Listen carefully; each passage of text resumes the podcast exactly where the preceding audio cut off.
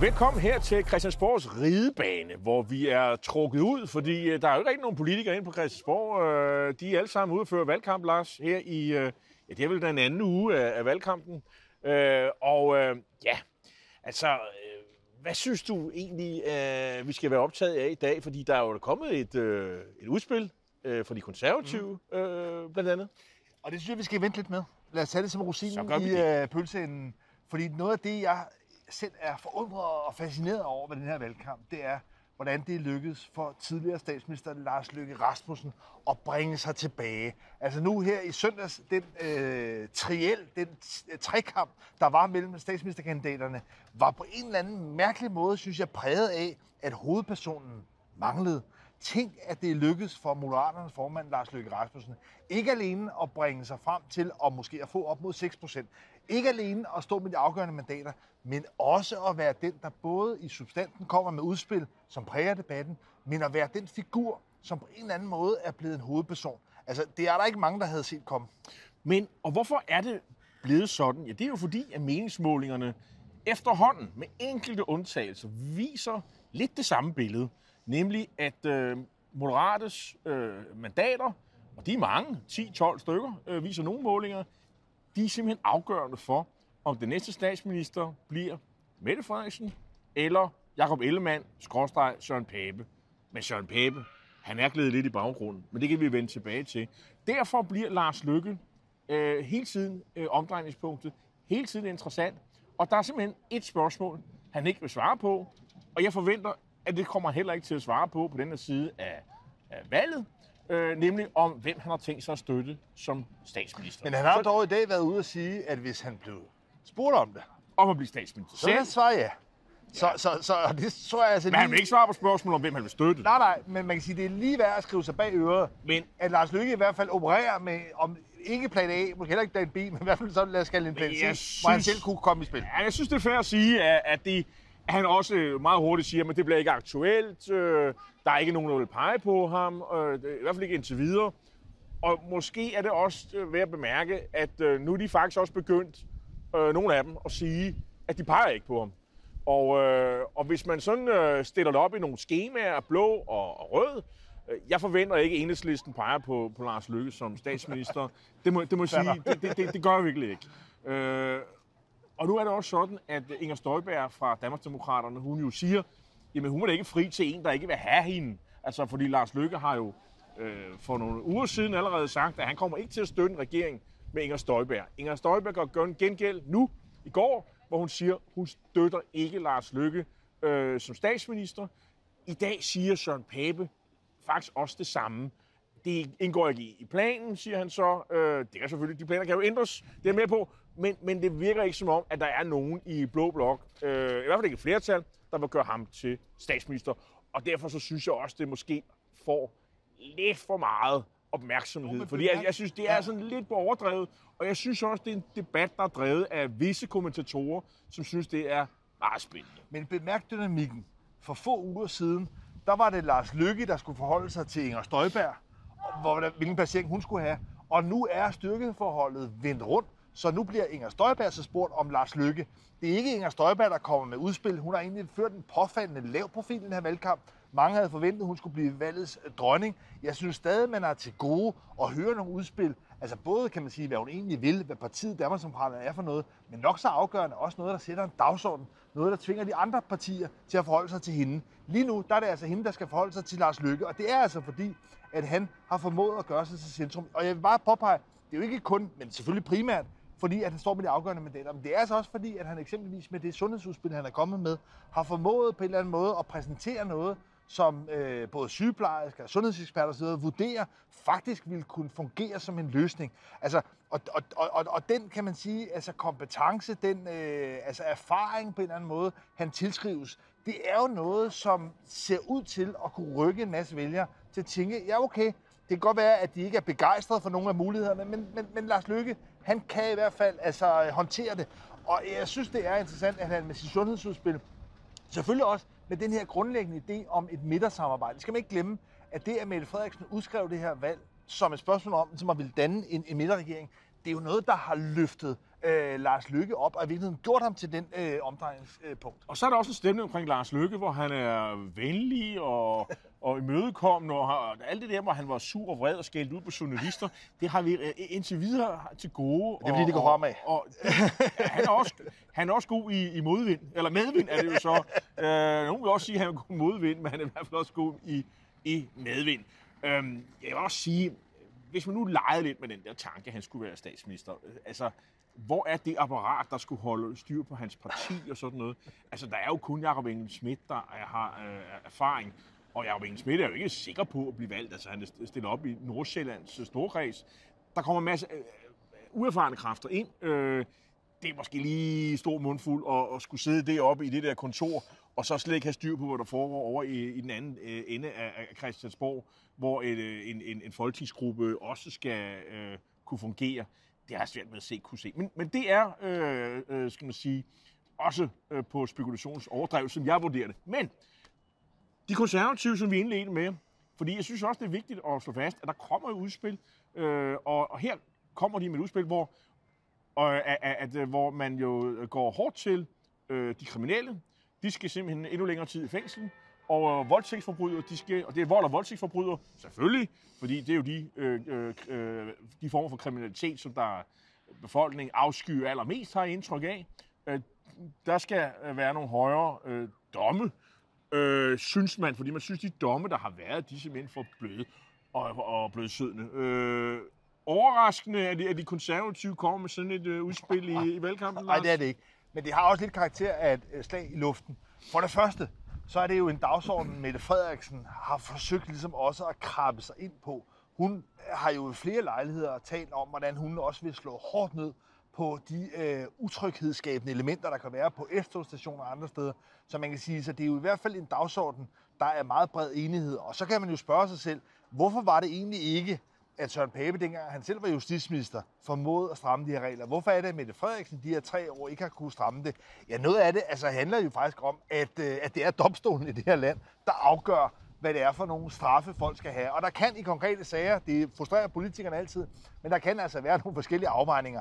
Og, og, og hele den her balance, magtbalance, som man vil, mellem den altså, øh, dømmende magt og så øh, den lovgivende og den udøvende magt, det er jo altså noget, der i et øh, retssamfund er en ret vigtig øh, balance.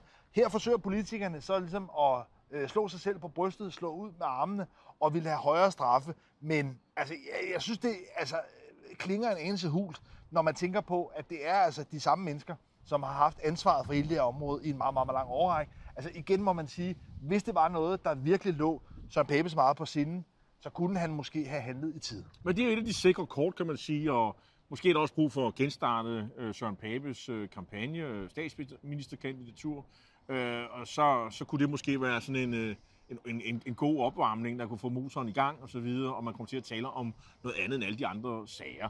Men øh, en sag, der ligesom har fyldt dagsordenen temmelig meget øh, hen over weekenden, det er jo den her øh, famøse øh, bog fra den tidligere FE-chef, øh, hvor han jo retter alle mulige anklager øh, mod øh, øh specielt øh, øh, Mette Frederiksen og, og Barbara Bertelsen, departementchefen i statsministeriet, som jo altså bor derovre, men også den tidligere forsvarsminister Trine Bremsen, som øh, han jo øh, beskyldte for, eller beskylder for, at have smidt øh, ham, øh, altså Finsen selv og tre andre øh, medarbejdere under bussen øh, i sin tid, øh, fordi man risikerede at komme i mindretal. Og vi havde ventet sagen her i fredags, øh, altså en usaglig øh, begrundelse for at, at hjemsende den.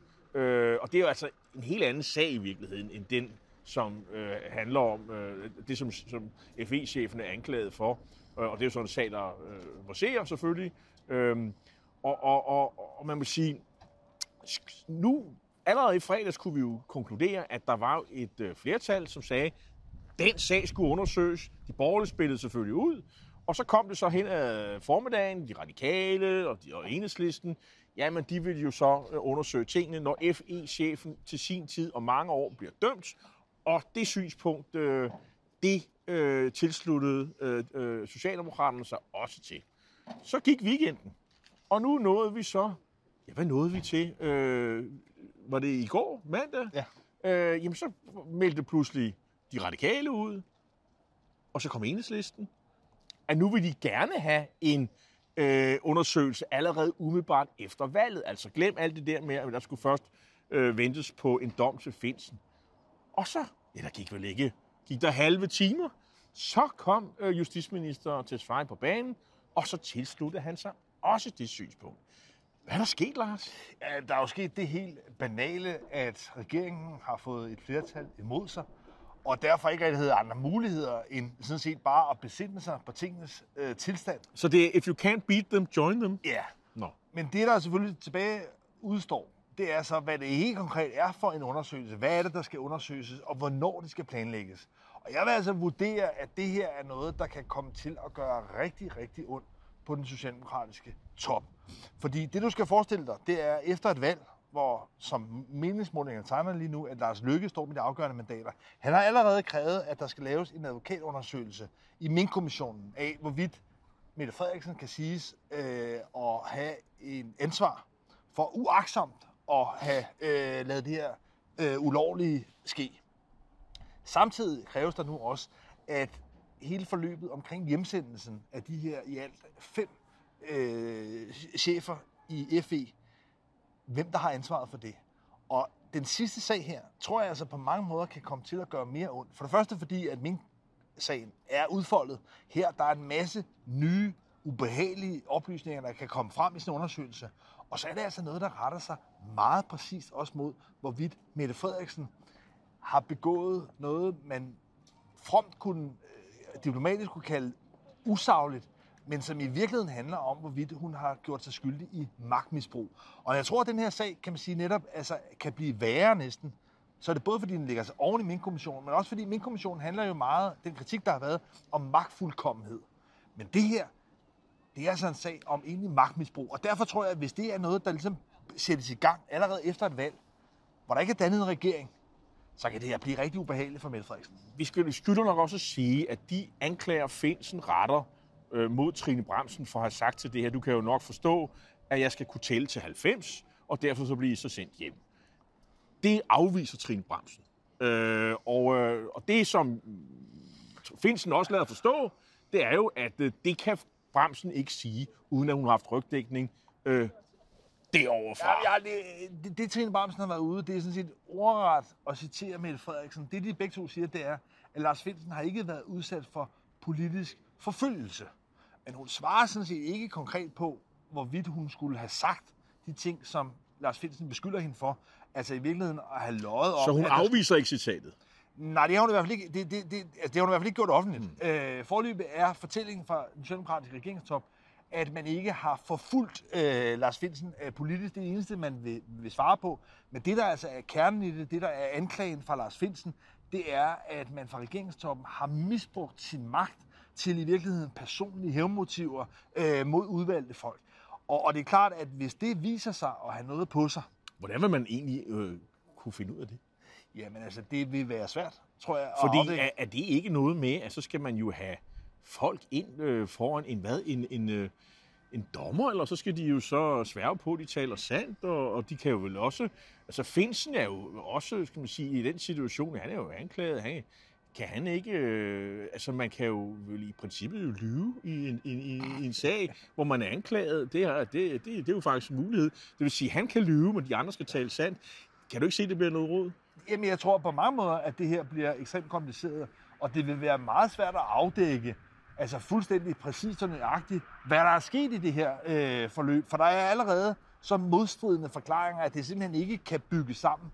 Men det ændrer bare ikke på, at en ny undersøgelseskommission, der retter sig mod, som har spidset, øh, altså brøden mod, hvorvidt Mette Frederiksen har begået magtmisbrug, oven i min kommissionen og en ny advokatundersøgelse, det kan altså bare skumme sammen til en situation, hvor Mette Frederiksen måske har mandaterne, men måske ikke længere helt tilliden for de andre partier til at kunne danne regering. Kunne man forestille sig, Lars, og nu spekulerer vi, og, og det, vi kan ikke gøre andet, at øh, hvis den her sag ender med, at øh, øh,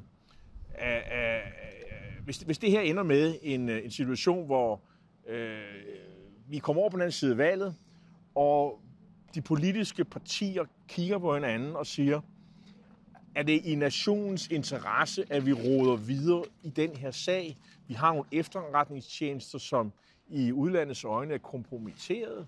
Øh, vi får ikke noget at vide. Det er i hvert fald det, man fortæller. Øh, at, at, at, at, lad sige til pressen, at øh, de danske efterretningstjenester har store problemer, øh, troværdighedsproblemer i forhold til deres øh, udenlandske samarbejde. Kunne man forestille sig, at den her sag på en eller anden led bliver lukket ned? Simpelthen fordi det er i Danmarks øh, interesse. Det tror jeg er for sent øh, at lukke den ned. Og man skal så huske i det her forløb, at der er jo altså mange forskellige typer af undersøgelseskommissioner. I det her komplicerede, sparede forløb har der allerede været en undersøgelseskommission, FE-kommissionen, som forsøgte at undersøge i virkeligheden grundlaget for den kritik, der har været rejst fra en whistleblower i Forsvarets efterretningstjeneste om, hvorvidt man har lavet ulovlig aflytning af danske statsborgere.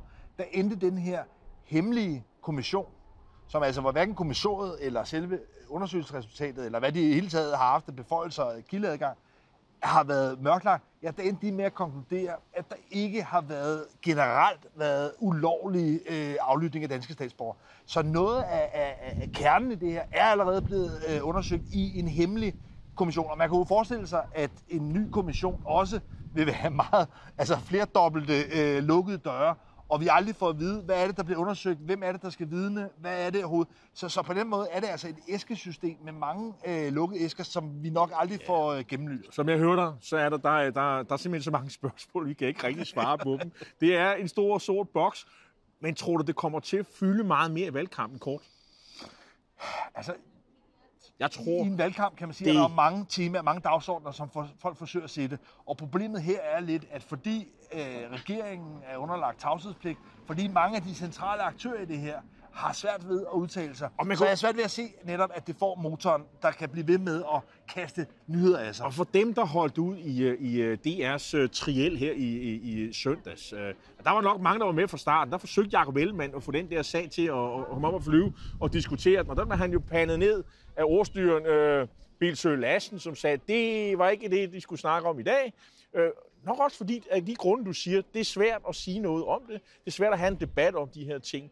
Uh, så måske... Men, men, det er, men det er dog lykkedes. Man kan sige, mm. Det er dog lykkedes, kan man sige. Altså både selvfølgelig for Lars Finsen i første omgang med bådudgivelsen, og i anden omgang for flere af de borgerlige oppositionspartiformænd at bruge den her sag til ligesom at give hele diskussionen omkring Mette Frederiksens magtfuldkommenhed en tur mere i manesen. Men jeg er enig, det jeg antager, at du, du, du lægger til grund, at det er for svært ved, kan man sige, at vivle rundt i manesen helt frem til valget. Det, man kunne jo forestille sig, det er, at folk går ud og køber den der bog, læser den og tror på Finsen, og køber hans præmis, og dermed straffer øh, Mette Frederiksen hen i, stemmeboksen. Det, det kunne være noget. Der er jo mange, der... Altså, det er jo en bestseller allerede, og det er gået andet og tredje oplag, men det, det er der, vi er ude i, at det kan flytte noget der. Men lad os nu se. Øh, Men det- øh, øh, øh, øh, for lige at, at komme over til noget andet, med hensyn til Lars Lykke. Jeg fornemmer, og det er kun en fornemmelse, det er, at øh, Socialdemokraterne, hvis de skal ændre det her billede, at Lykke er den, og Moderaterne bliver de afgørende, så skal de vel nu til at angribe ham. Skal de ikke? Jo, altså det er jo det, der er det lidt sparet spil, at øh, vi ser allerede nu i den borgerlige blok, at der er flere, der forsøger at angribe ham. Øh, at vi har altså både en, øh, altså en Inger Støjberg øh, og en Søren Pape, der, ligesom, der afviser øh, Lars Lykke. Men spørgsmålet er selvfølgelig, hvordan Socialdemokratiet skal håndtere ham. Fordi der er altså to muligheder. Enten at øh, man netop skal angribe, eller man skal forsøge at omfavne ham. Fordi det er meget sandsynligt, som tegner lige nu, kan blive nødvendigt for Socialdemokratiet og Mette Frederiksen at lave en alliance med Moderaterne, hvis det skal lykkes at bevare regeringsmagten. Og det ser ud til indtil videre, at Mette Frederiksen og regeringstoppen altså har valgt en lidt mere forsonlig linje. Og det, nu er det jo Christiansborg, så det er fyldt med sladder og rygter og alt muligt andet. Og et af de der sådan meget vedholdende rygter, det er, at Mette Frederiksen og Lars Løkke har lavet en eller anden form for aftale. Øh, og det kan vi jo ikke vide noget om. Men giver det mening, at de skulle lave en aftale på forhånd om, at de skal snakke sammen efter valget? Og... Kan du se det for dig? Altså, Både over. Altså, jeg, jeg- altså, der er jo ikke nogen tvivl om, at, at Mette Frederiksen og Lars Lykke har jo haft en, en samtale om, om alle mulige forskellige ting. Man skal huske, i nogle af de her øh, valgkampe, der mødes politikerne nogle gange lidt mere uformelt i forskellige sammenhænge. Så, så er der ikke nogen tvivl om, at selvfølgelig er der en, en, en kontakt, men for det første skal man altså være opmærksom på, at alt det her afhænger jo af mandatfordelingen. Altså hvorvidt Mette Frederiksen bliver afhængig af Lars Løkke, og hvorvidt Lars Løkke overhovedet har en mulighed for at manøvrere, det ved man slet ikke endnu. Så, så det er den første ting, der ligesom står imod det. Og så tror jeg også, at der er et element i det her af, at der er borgerlige politikere, som meget gerne vil tegne et billede af, at en stemme på Lars Løkke i virkeligheden måske indirekte en stemme på Mette Frederiksen. Så noget af det her ser jeg altså også lidt som et spinforsøg fra øh, blandt andet fra Venstre, fra, fra andre borgerlige partier til ligesom at, at, at markere, stemmer du på Lars Løkke, ja, så kan du ende med i virkeligheden at holde Mette Frederiksen ved magten. Men, så det er et forsøg på på en eller anden måde at, at bringe øh, tilslutningen til Moderaterne ned. Jeg vil holde øje med, om, øh, om Socialdemokraterne... Øh, vi har haft øh, Henrik Dam Christensen ude og være lidt kritisk over for Lykke og kalde ham snu og sådan nogle ting, og det, det er han jo ubestridt. Så det er jo, det er jo bare en observation, kan man sige. Øh, men, men, øh, men det er, han er jo svær at håndtere, fordi hvis man angriber ham, så skubber man jo også ham fra sig. Og, øh, men hvis man ikke angriber ham, så nærer man jo den spekulation, at øh, de, har, de har nok lavet en eller anden form for aftale. Men altså, vi ved det simpelthen ikke. Men, men jeg det... synes, det, det er det, der er at, at lægge mærke til nu. Kommer angrebet, kommer det store angreb fra Nikolaj Vammen, fra Peter Hummelgaard, fra Kort Dybvad, de der løjtnanter, går de flæsket på lykke? Øh, og, og ja, det skal ja, vel komme snart, ja, ja, ja, hvis, hvis, det kommer, hvis det angreb kommer. Men når jeg tvivler lidt på, at det måske kommer for alvor, der skal nok være nogle socialdemokrater, som stiller spørgsmålstegn ved, ved Lars Løkke, om ikke andet ude i valgkampen lokalt. Folk, der ikke ligesom er, har fået øh, memoet inden fra, fra partiledelsen.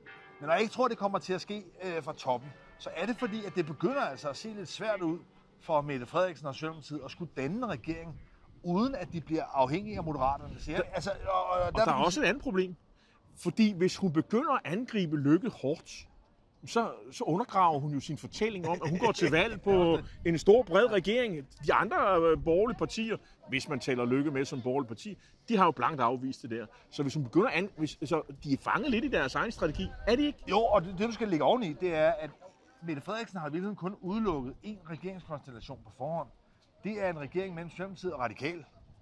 Så hvis Mette Frederiksen ikke kan danne en regering alene sammen med Radikal, og nok trods alt heller ikke vil gøre det alene sammen med SF og Enhedslisten, ja, så er det lige pludselig, at hvis hele den her fortælling, midterfortællingen, skal have noget at gå på, ja, så bliver hun jo næsten nødt til på en eller anden måde at indbyde øh, Lars Løkke og Moderaterne til et regeringssamarbejde. Så på den måde er Socialdemokratiet altså lidt låst i en situation, hvor de faktisk får svært ved at angribe øh, Lars Løkke, og dermed nærer det, og dermed bliver mere afhængig af det. Super spændende bliver det. Vi vil sige tak for nu øh, her fra Christiansborgs Ridebane. Husk nu at se med øh, i, på fredag, ja. hvor vi igen går på værtshus på Toga Vinstue. Og øh, hvis I har lyst til at være med, så er, jeg tror jeg, der er stadigvæk er ledige pladser. Det er fra klokken 3, øh, Toga Vinstue, Indre By, Lille Kirkestræde i København. Tak fordi I så med.